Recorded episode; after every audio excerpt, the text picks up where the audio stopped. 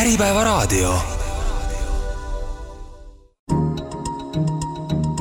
Cleantech. Tere, head Äripäeva raadio kuulajad, algab selle kuu Cleantechi saade, mina saatejuht Mart Valner. Ja nagu ikka, räägime rohetehnoloogiatest, innovatsioonist ja sellest, kuidas selle kõige koostöös parema ja puhtama maailmani jõuda ja seekord on mul stuudios lausa kolm selle valdkonna eksperti ja kolm valdkonna eksperti, kellega koos me saame läbi hekseldada kogu selle teema, mis puudutab Eesti metsamajandust ja LULUCF-i sektorit ja seda, et kuidas lisandväärtust ka jääkpuidule anda. mul on hea meel, et minuga on siin Majandus- ja Kommunikatsiooniministeeriumi tööstusvaldkonna juht Andri Haran, Andri, tere! tere! Raiku kaasasutaja Karl Pärter, tere Karl! tervist! ja Äiotechi kaasasutaja Petri-Jaan Lahtvee, tere Petri! tere! Nii, kaks viimast siis startup'id, iduettevõtted, kes tegelevad puidu väärindamisega, kes tahab väga palju pikemalt Äiotechist kuulata, siis tegelikult umbes aasta aega tagasi, ma vaatasin, seitsmes juuni oli viimati, kui kui me Cleantechi saates ka niisuguse pikema jutu Äiotechist rääkisime, aga ma küsin siis, Petri, mis aasta jooksul vahepeal muutunud on? Aastaga on tegelikult väga palju muutunud, et äh, lühidalt siis, millega me tegeleme, et me väärindamegi erinevaid äh, kõrvalsaadusi, nagu näiteks saepuru äh,, siis söödavateks õlideks ja rasvadeks. Ja seda me teeme läbi biotehnoloogia. Ja kui aasta tagasi meie protsessid olid veel enamasti niimoodi laboriskaala tasemel, siis täna oleme me juba teinud sellist pooltööstuslikku tootmist, meil on partnerid, kes kasutavad või testivad juba meie materjale ja samamoodi oleme siis ka teadusarenduse poolest äh, tugevasti edasi liikunud mm. -hmm. aga poes teie õlidega toidukaupu juba leiab? täna veel ei leia, täna veel ei leia. no aga äkki varsti. Äh, Karl, kuidas äh, Raikul, teie tegelete, teie ei ole saates käinud, et me saame kohe rääkida, millega tegelete? põhimõtteliselt me tegeleme siis uue pakendimaterjali ja selle tootmise tehnoloogiaga, et meil on siis radikaalselt teine tootmisprotsess kui näiteks praegu peetakse paberit ja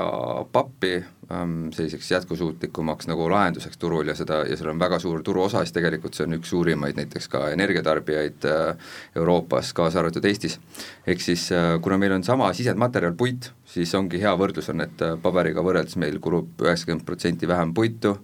üheksakümmend kaheksa protsenti vähem energiat, üheksakümmend üheksa protsenti vähem vett ja, ja null kemikaali kogu protsessi eks meie rohetehnoloogia ongi siis see, et me võrreldes konkurentidega suudame nii palju vähem ressursse kasutada ja, ja tuua täiesti puhta toote turule, mis laguneb ise, komposteerub pärast kasutust. Aga ta põhimõtteliselt omadused või tema väärtus on sama, mis on sellest paberist või papist äh, tootel, et ta ei ole üheksakümmend kaheksa protsenti õhem mm., kuna seal on üheksakümmend kaheksa protsenti vähem puitu.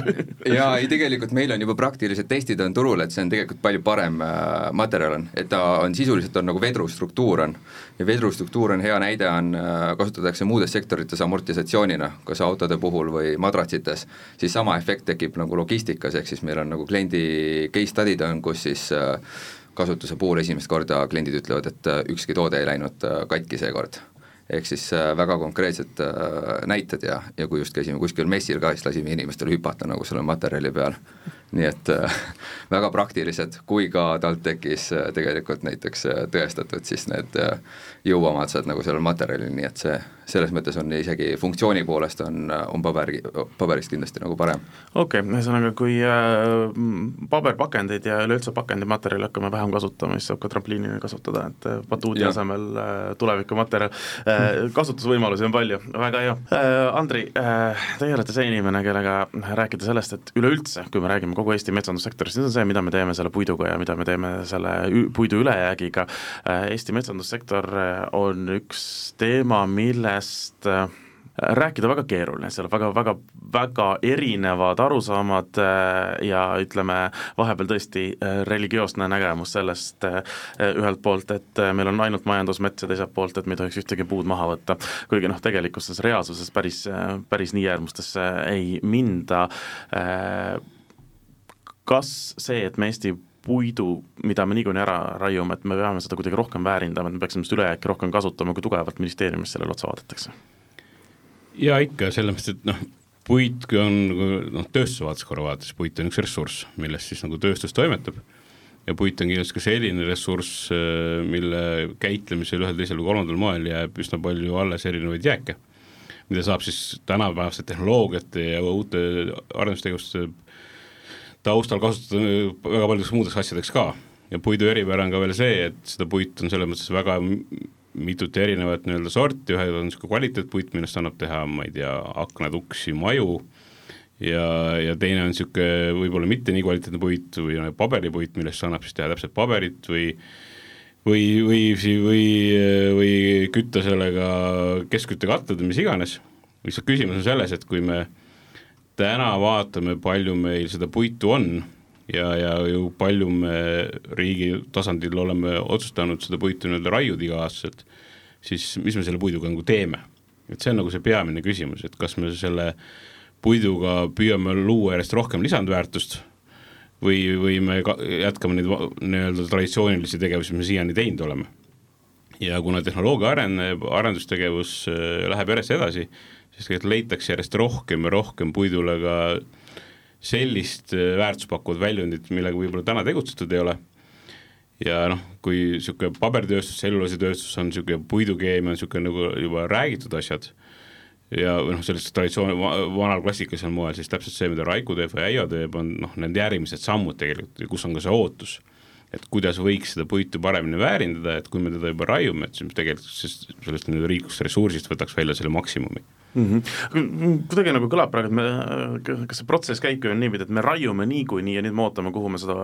kes, kes pakub meile kõige paremat mingisugust väljundit, et me seda kõige paremini ära kasutaksime, et me võiksime lihtsalt mitte raiuda, kui meil ei ole veel väljundit, kui nagu Äio on arendustegevuses alles ja, ja Raiku ka alles ehitatud. ma ei ole öelnud puidul väljundit on, puidul on täna ka ju väljundid selgelt, Eesti puidusektor on väga suur, puidutööstus on väga suur ja sellel, see noh, ja ta panus Eesti majandusse ka oluline küsimus on lihtsalt selles, et eh, kui, kuna aeg läheb edasi ja arendustegevus toimub, siis noh, et kas lisanduvad, lisandub neid tegevusi ka majanduslikus mõõtmes, mis annab sellele puidule rohkem väärtust. et eh, noh, kui puidusektor alla, ma ei tea, vanasti, vanasti ehitati tavalist palgiksmaju, täna tehakse liimpalgiksmaju, noh, astutakse mingid sammud edasi ja, ja, ja, ja samamoodi see puidukeemia või erinevad uued arendused tegelikult noh, annavad selle, et, et kui me seda puitu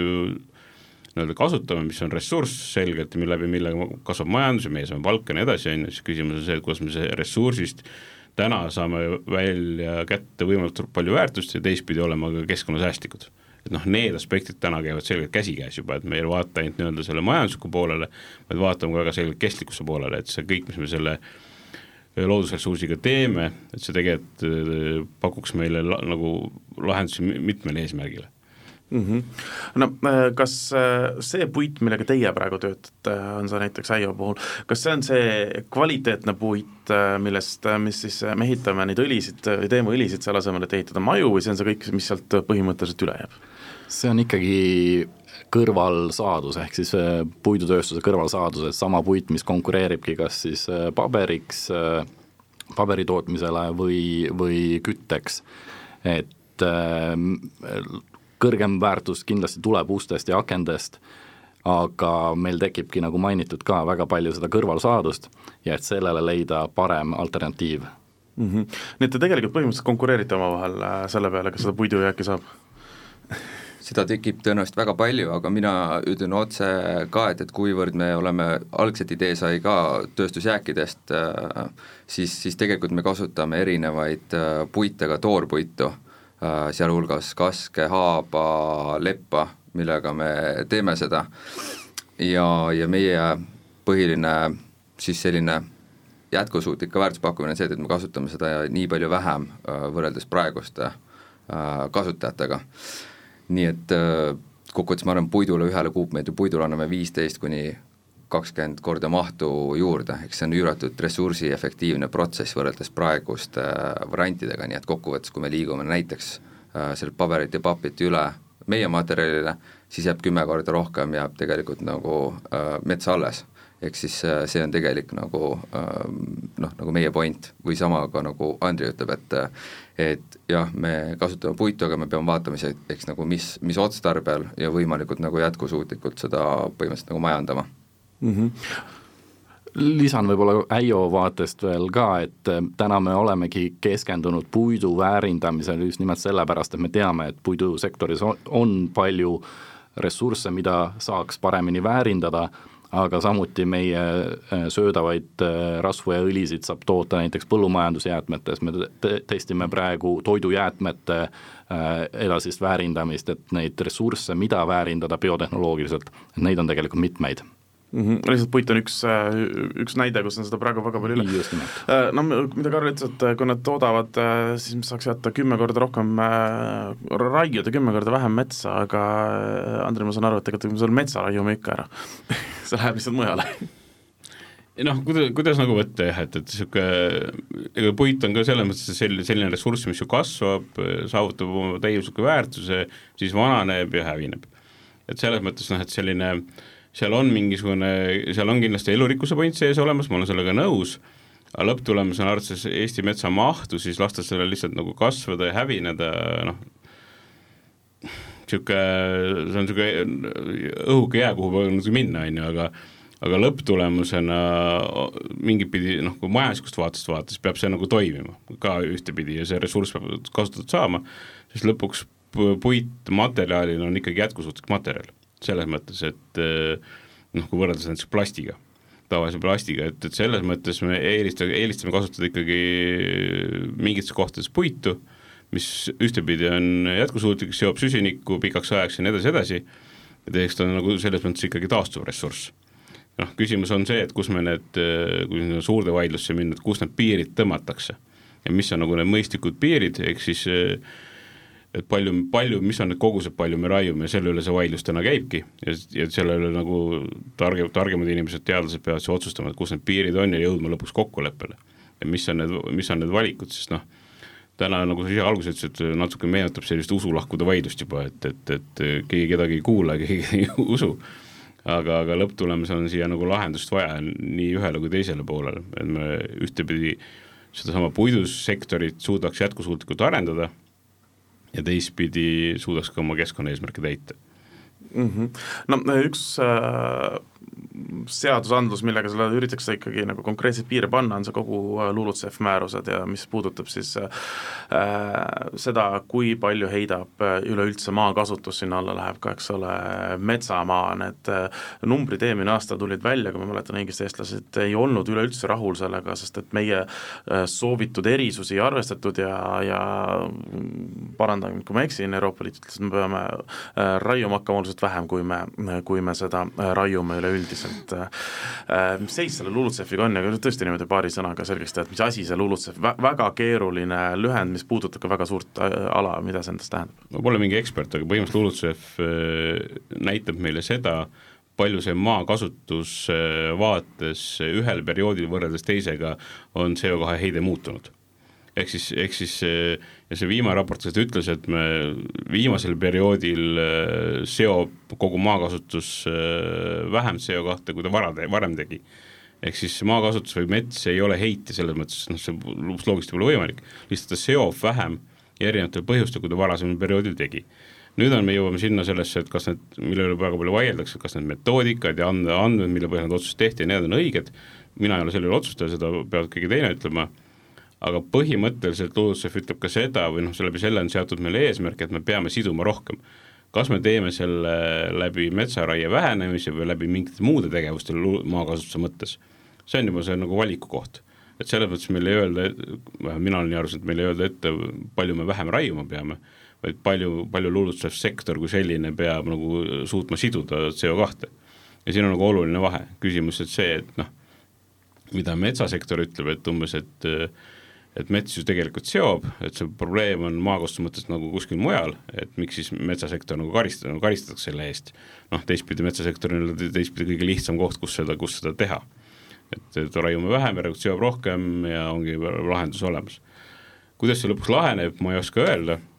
et äh, ja noh, aga lõpp, ma ütleksin, et kõigepealt on vaja nagu need metoodikad lõplikult nagu kokku leppida, aru saada, et see on nüüd see see tõenäoliselt eeldab sellist natukene isegi poliitilist kokkulepet, et nüüd me nii teeme ja kõik teavad sellega arvestada, nii metsatööstus, keskkonna eest seisjad ja kõik on sellise ühise, ühise laua taga ja saavad aru, et see on see tee, mismoodi me edasi läheme.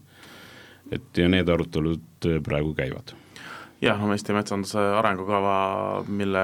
aeg hakkab juba läbi saama, pole veel ikka veel vastu võtnud, et et kõiki osapooli ühe laua taha saada on on, on äärmiselt keeruline olnud, olnud selles valdkonnas ja mitu ka konkreetset metsanduse arengukava plaani ju lükati tagasi juba mõni, mõni aasta tagasi, mis need olid meil ilvesed hundid ja ja, ja, ja kõik muud need lähenemised sinna, eks ole. noh, eks siin on nagu natuke niisugune, kui panna see suuremasse pilti, me räägime veel Eesti kontekstist, aga, aga noh, põhimõtteliselt noh, turg on ju see, mis selle paika paneb, nõudlus ka ja ühiskonna ootus ja arusaam, kuidas asjad toimivad.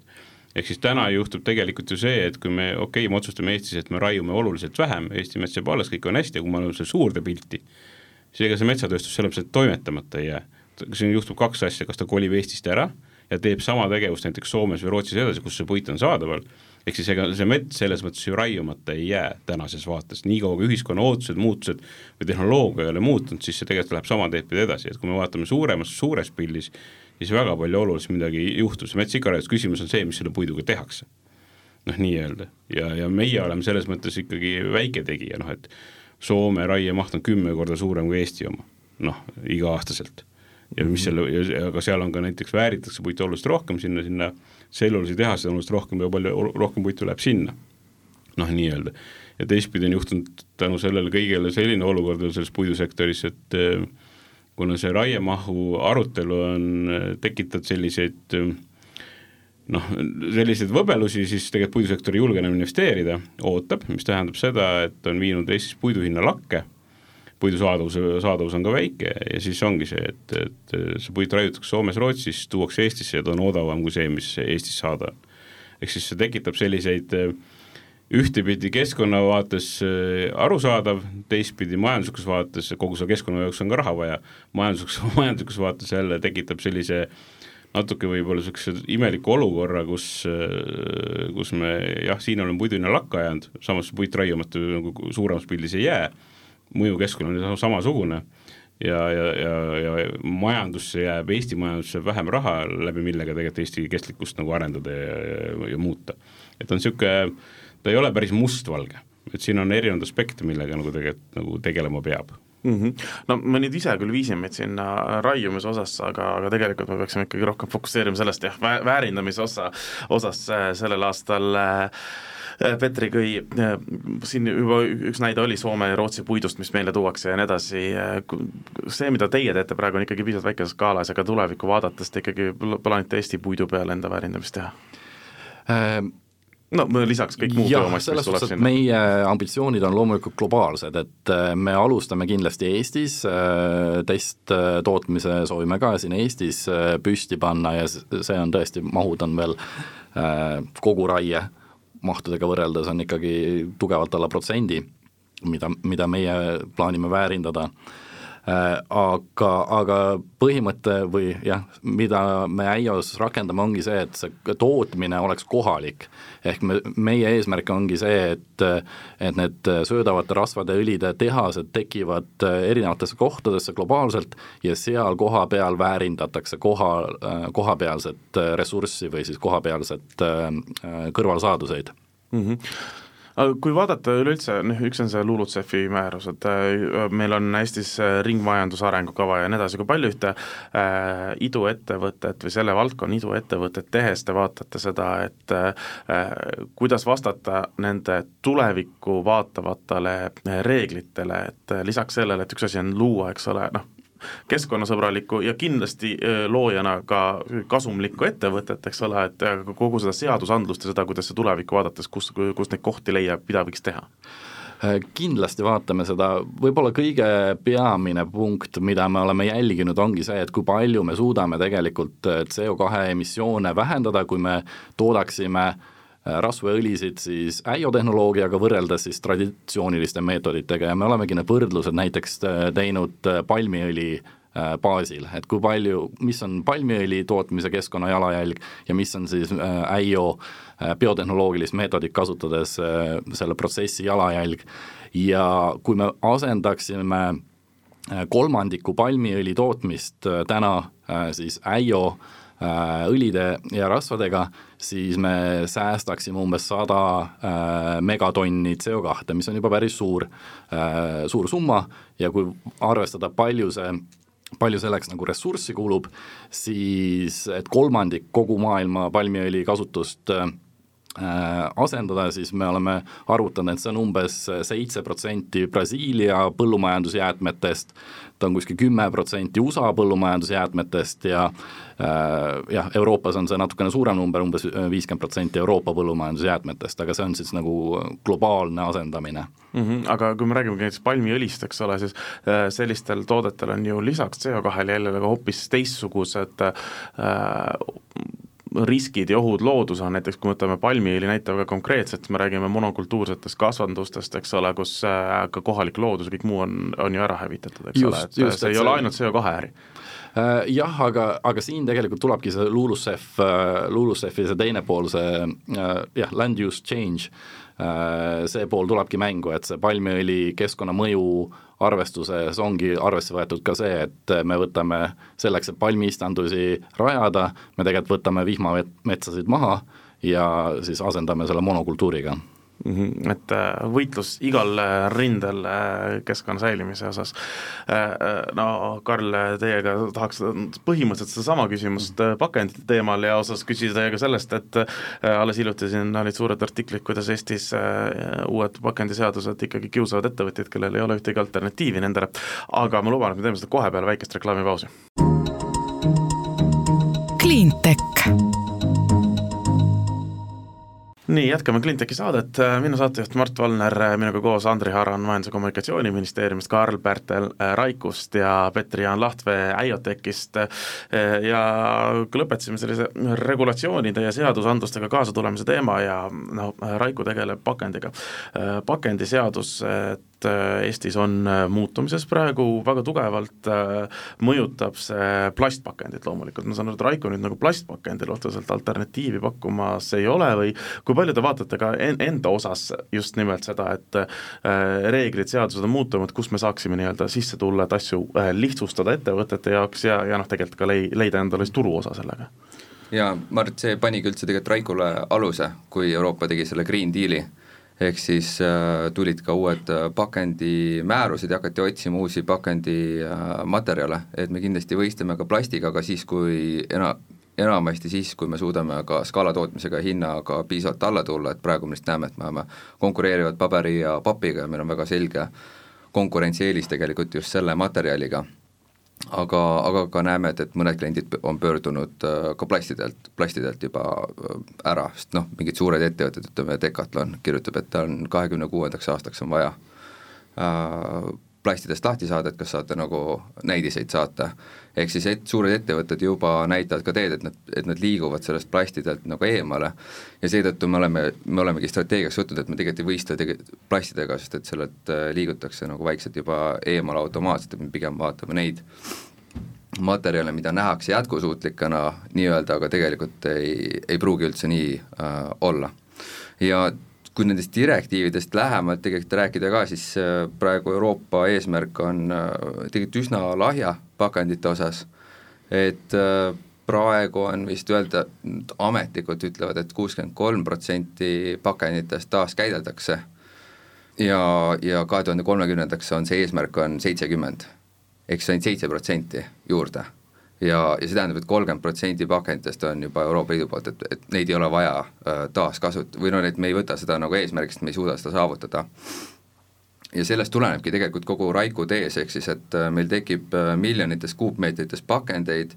mida ei suudeta taaskäidelda ka järgmise kümne aasta jooksul, meil on vaja päriselt ohutut toodet äh, keskkonnale, kus ei ole ühtegi kemikaali sees ja mida, mis on ka Raiku puhul äh, nagu tõsi, ehk siis kui sa vaatad mõnda teist sektorit, näiteks äh, akud, akude tootmine, täiesti arusaadav, et meil on vaja need kõik ressursid üles korjata ja taaskäidelda. Aga näiteks äh, mingisuguste paberite ja plastide puhul võib olla see, et see taaskäitlus on tegelikult, on äh, samuti äärmiselt ressursi äh, mahukas ja, ja ei suudeta neid äh, ka omavahel nagu eraldada. eks need ei jõua nagu õigesse kohta, kõik see bio, jutumärkides nagu nii-öelda biolagunev väga tööstuslikes tingimustes ja sellised teemad. nii et äh, jah, kõik need pakendidirektiivid, aga tegelikult ka turul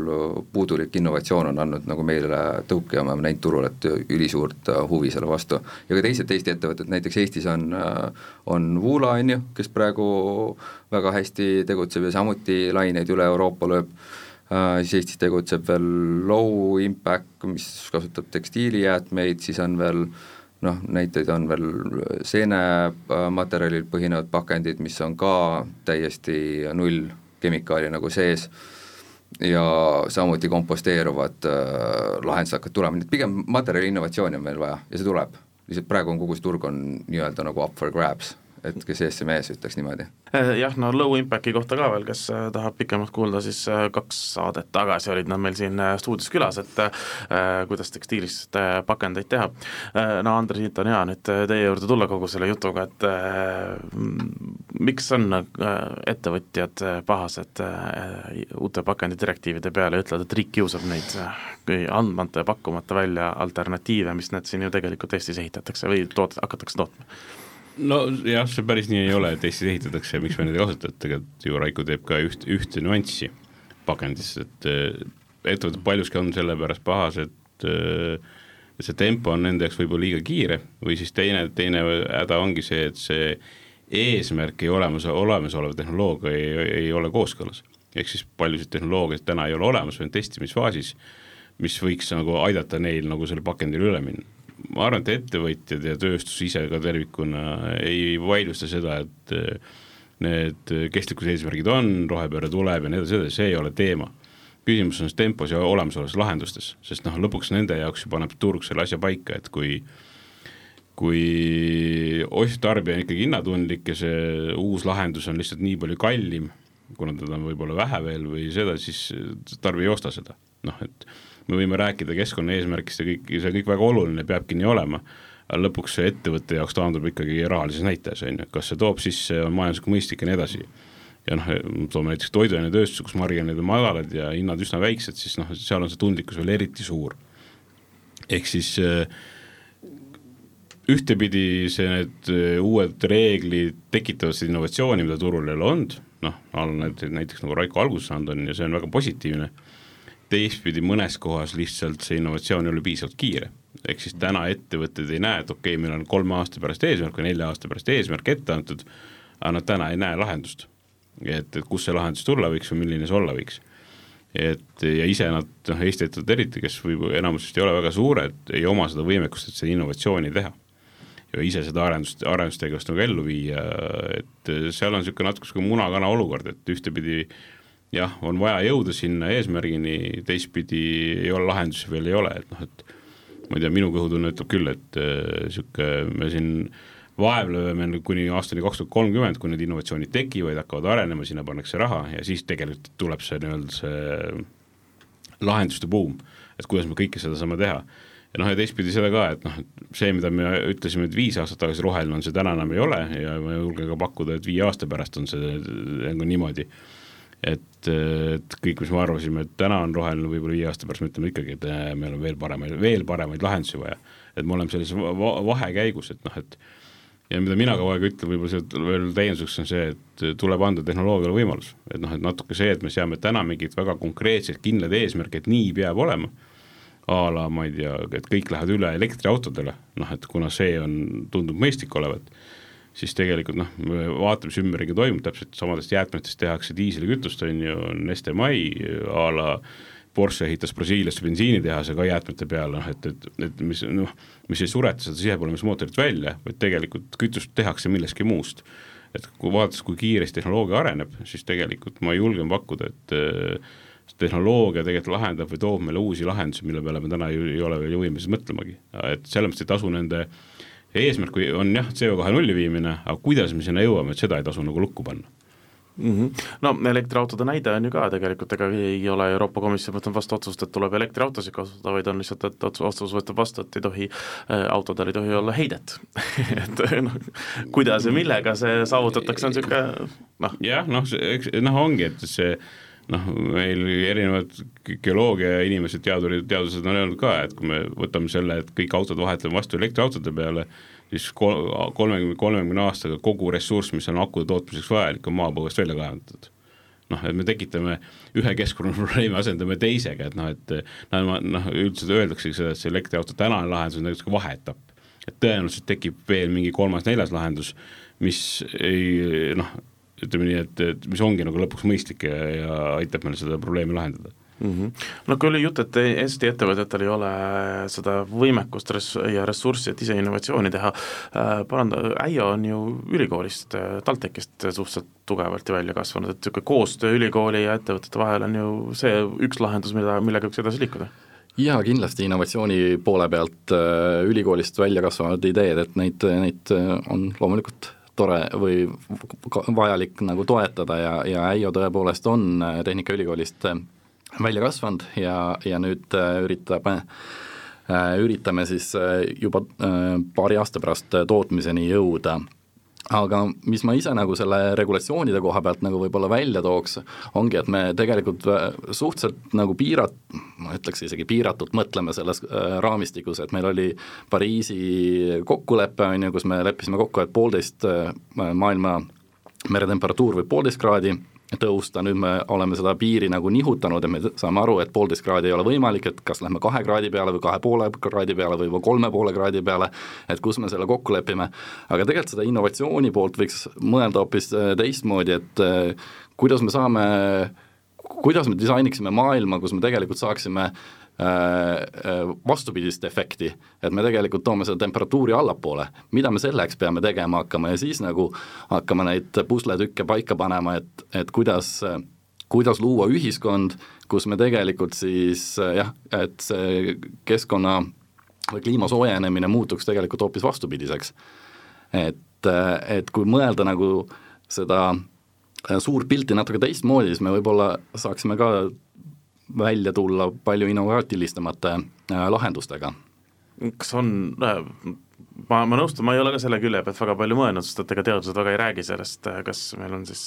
on olemas mingi lahendus või mingi võimalus, kuidas mitte peatada kliimamuutusi ja kliima sellist soojenemist, vaid ümber pöörata seda? ei no see, see tuleb, see ongi kindlasti väga kompleksne teema, aga, aga, aga võiks nagu üritada võib-olla selle teise nurga alt seda äh, probleemi lahendada, mitte lihtsalt mängida täpsete piiridega, palju me peame, palju me saame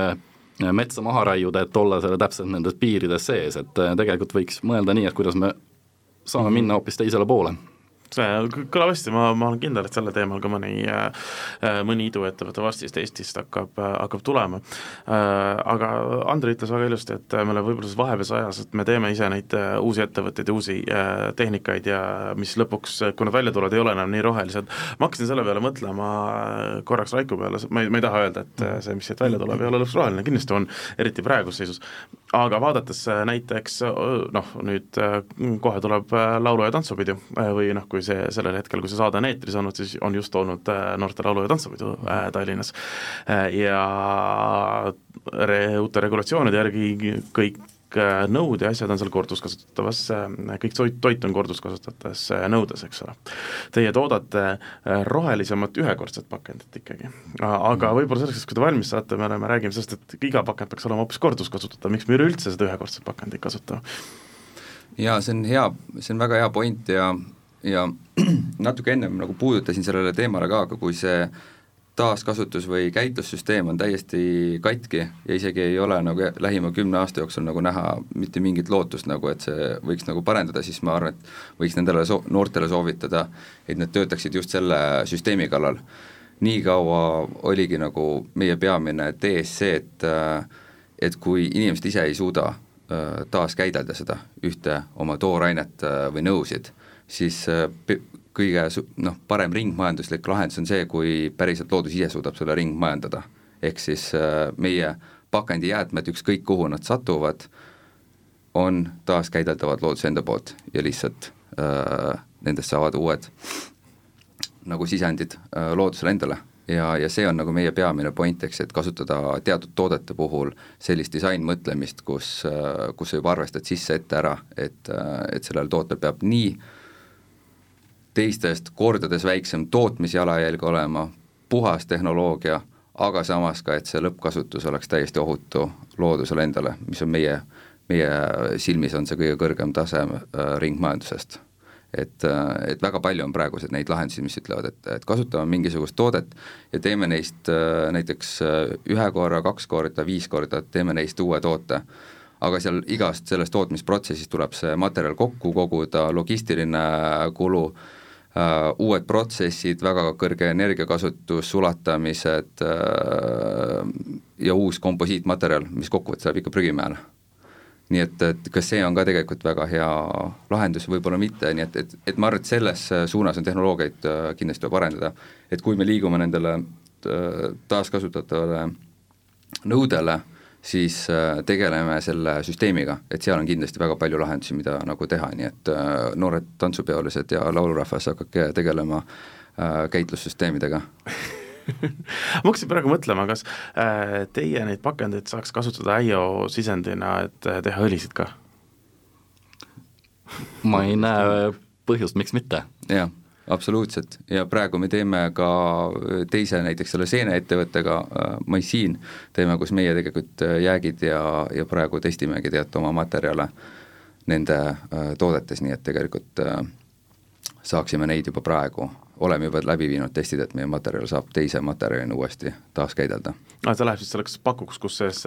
seen kasvab põhimõtteliselt? jah, disainmaterjalid, ehitusmaterjalid, sellised asjad, et sellest see on ideaalne äh, sisend sellele samale järgmisele materjalile, nii et äh, tegelikult meil on juba plaanis väike tööstusökoloogia kõlab hästi. Äh, mul äh, korraks hakkas kuidagi see mõte või paralleel jooksma, et kui kolmandast sektorist ja kodanikuühendustest rääkida, siis huvikaitseorganisatsioonidele mulle on alati meeldinud see lause, et äh, huvikaitseorganisatsioon töötab selle nimel, et teda ei oleks enam maailmas vaja. ehk siis, et noh, et probleemid, millega nad tegelevad, et neid probleeme enam ei eksisteeriks, kui te teete roheiduettevõtet, kas te ka mõnes mõttes mõtlete, et tegelikult võiks olla nii, et meid ei oleks siia nagu vaja, et et see asi oleks, see probleem oleks teistmoodi lahendatud, noh, ma saan aru Raiku puhul eriti, kuidas ütles, et nagu, noh, probleem on nii tugev ja tungiv lihtsalt hetkel, millele lahendust otsida no, või, või ettevõttes see päris nii ei kehti? isiklikult nagu võttes äh, nii-öelda nagu et-, ettevõtjana, siis see on nagu väga äge asi, kui saab nagu sellist äh, suurt probleemi lahendada, see on nagu two in one, sul ei teki küsimust, miks sa nagu millegagi nagu tegeled. aga, aga muidugi see tekitabki sellist küsimust, et kuidas nagu nii lollid lahendused on ko-, kohati nagu meil ma ei tea, kuidas äh, Andril või Petril nagu see olukord on, kuidas kommenteerite? ma ka võib-olla kommenteeriks, et äh, ma arvan, et see, meie ettevõte on ka nii nagu agiilne, et kui me oleme suutnud ühe probleemi ära lahendada, siis tegelikult neid probleeme on, on nii palju, et äh, tuleb võtta lihtsalt järgmine, et täna me, täna on meie eesmärk täiesti asendada siis palmiõli ja, ja toidutööstuses teha äh, suuremat, äh, suuremaid muutuseid sisse tuua, aga järgmiseks äh, igasugused muud õlid, rasvad, rasvu saab kasutada ka näiteks bioplastiku algmaterjalina, et eesmärk ongi need hinnad lihtsalt tuuagi nii alla, et need meie toodetud, biotehnoloogiliselt toodetud rasvad oleksid odavamad kui palmiõli ja siis neid rakendusi tegelikult sellele protsessile leidub tohutus koguses mm. -hmm. no ministeeriumi puhul vast ei saa küsida, et äh, kas töötate selle nimel, et ministeeriumitel on vaja Aleksandriga kas jah, kas ministeeriumitel vaja on, on iseküsimus ja mida Petter ütles, on ju, et üks probleem laheneb, tekib, tuleb uus asemele. aga võib-olla ka selle nimel me töötame küll, et, et, et noh, et mingid tegevused protsessid toimiksid selliselt, me ei pea sinna enam põhimõtteliselt sekkuma, et me saamegi tegeleda võib-olla põletavama probleemiga. et, et saada neid mingid probleemid laualt maha, et nad töötaksid nii hästi noh, a la kas kestlikkuse teemal, et noh, et, et kui, mida sina nagu Raiko välja tõi, et et see, et see süsteem peab toimima lihtsalt ja siis on sellest nagu kasu ka, et noh, et, et see ringlussüsteem, et kasutatakse nõusid, korjatakse kokku ja nii edasi, et noh, et et ühiskond peab sinna ka jõudma omadega, et see on nagu loomulik protsess, täna me oleme ikkagi väga mugavad selles osas. et kui me ikkagi ei saa sorteerida või, või on seal meie jaoks piisavalt ebamugavus, siis me ei tee seda. noh, nii lihtne, et, et, et enamus vähemalt meist. et kui, kui see ühtepidi on tehtud selliseks sunduslikuks, teistpidi ka piisavalt lihtsaks inimese jaoks. Ja tal on lihtne seda kõike käidelda, siis, siis ta tegelikult on valmis seda tegema ka. et kuidas me jõuame sinna ja kuidas see, need protsessid kõik viia sinnamaani, et see kestlik käitumine ühtepidi oleks norm ja teistpidi meie igapäevategevuse osa, et ta ei nõuaks meist nagu no et ta oleks ka normaalne meie eludega igapäevase tegevuse osa, et ta ei nõuaks mingit erilist pingutust, kui me sinna jõuame ja oleme need asjad kõik rakendanud, siis on ju väga hästi aga kas on, kas see on see, mida peab äh, nii-öelda seadusandluse ja äh, ministeeriumi käskkirja ja regulatsiooniga paika panema, et inimesed käituksid äh, normaalselt? jah, regulatsioonidega ei ole ühiskonda muuta nagu üsna keeruline alati, on ju, et pigem võib-olla seada eesmärki saab regulatsioonidega, läbi mille siis tekivad praktikad, innovatsioonid ja nii edasi, noh, a la seesama pakendidirektiiv, on ju, paneb sulle mingi eesmärgi, võib-olla ta on lahja, aga, aga, aga mingil määral ikkagi ta näitab suunda ja kõik tegutsevad selle nimel, et seda innovatsiooni luua. Ja noh, ja, ja noh, Eesti puhul on muidugi veel see, et kuna me oleme niisuguse Põhjamaade nii-öelda osa, kus meil Soome, Rootsi, Norra, Taani on ees oma tegelikult mitu aastat ees, ma julgeks isegi öelda kümme aastat ees oma tegemistega,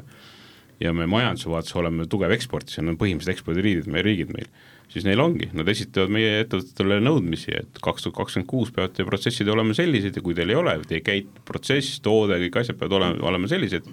Ja kui te ei ole seal, siis olete te mängust väljas. mis tekitab omakorda ahela siia, ehk siis tema hakkab nõu-, see ettevõte siin hakkab nõudma oma tarnijatelt samu asju ja nii edasi, et see on selline, et kui ta kuskilt minema hakkab, noh nii-öelda siis ta tegelikult, ja ühiskonna sama asi, et kui ta kuskilt liikuma hakkab, see tegelikult ja on piisavalt nii-öelda eesmärgipärane ja motiveeritud, siis tegelikult juhtub ka mm. -hmm. Kui ma ei eksi, siis see protsent on vist äh, viis protsenti, mis peab ühiskonnast äh, kuskil suunas liikuma hakkama, et see ühiskondlik liikumine, sellega kaasa tuleb, minu meelest Rainer Nõlvak kunagi otsis seda viite protsenti, kui algas Teeme ära koristuspäev, mis on praeguseks läinud üle maailma väga suureks. meil hakkab vaikselt aeg otsa saama, aga ma ikka saate lõpus olen meeldiv küsida, et äh, iduettevõtted, kes siin on, et kus ja kuhu edasi, et Petri, Äio, viie aasta pärast, kus te olete, mis te teete? viie aasta pärast äh, me oleme kindlasti globaalne ettevõte vähemalt kolmel kontinendil äh, ja äh, praegu ei oska öelda, palju me oleme suure koguse palmiõli tarbimist oleme ära asendanud, aga kindlasti protsendi kandis vähemalt jah, ja protsent, ma arvan, et ükskõik mis valdkonnas globaalsest osast on juba väga suur, suur summa, eks ole, et Karl, Raiko osas sama küsimus, viie aasta pärast, kus Raiko on? Väga hea küsimus, me oleme teinud neid äh, plaane, üks asi on see, et mis on ettevõtja ja iduettevõtja ambitsioon ja mis on äh, realistlik vaade. et äh, hardware'i tehes tuleb arvestada, et, et kui kiiresti sa tegelikult oma neid tehaseid suudad püsti panna või siis oma tehnoloogiat litsenseerida, et, et globaalne huvi on olemas, see on kindel. Aga esmalt me oleme võtnud ette, et, et viie aasta jooksul me kindlasti opereerime Euroopas ja rohkem kui ühe nagu tootmis, tootmisüksusega. ja seejärel näeme lihtsalt, et, et kui kiiresti me jõuame nagu välja liikuda ja mis strateegiad on, kas siis ise ehitades või siis seda tehnoloogiat litsenseerides, mis natukene äh, kiirendab seda, aga meie jah, esmane praegu juba ekspordime või nii-öelda kas ekspordime, aga juba saadame materjali üle, üle Euroopa nagu laiali, aga aga näha on selle pakendimaterjali puhul, eriti kui sa annad talle viisteist korda rohkem mahtu juurde, siis sa pead äh, neid tootmisüksuseid tegema, et see oleks nagu äh, mõttekas mm. -hmm. nii et äh, viie aasta pärast kindlasti Euroopas oma tegevustega laiali ja paremal juhul ka teistel kontinentidel jumala kindel, et Andrei on vahepeal hoolitsenud selle eest, et Eesti seadusandlus äh, toetaks teie äh, mõlema ambitsioone.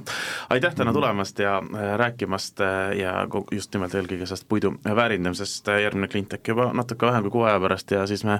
praeguste plaanidega võtame teemaks selle, et kuidas iga inimene saab ise hakata Eesti roheiduettevõtetesse investeerima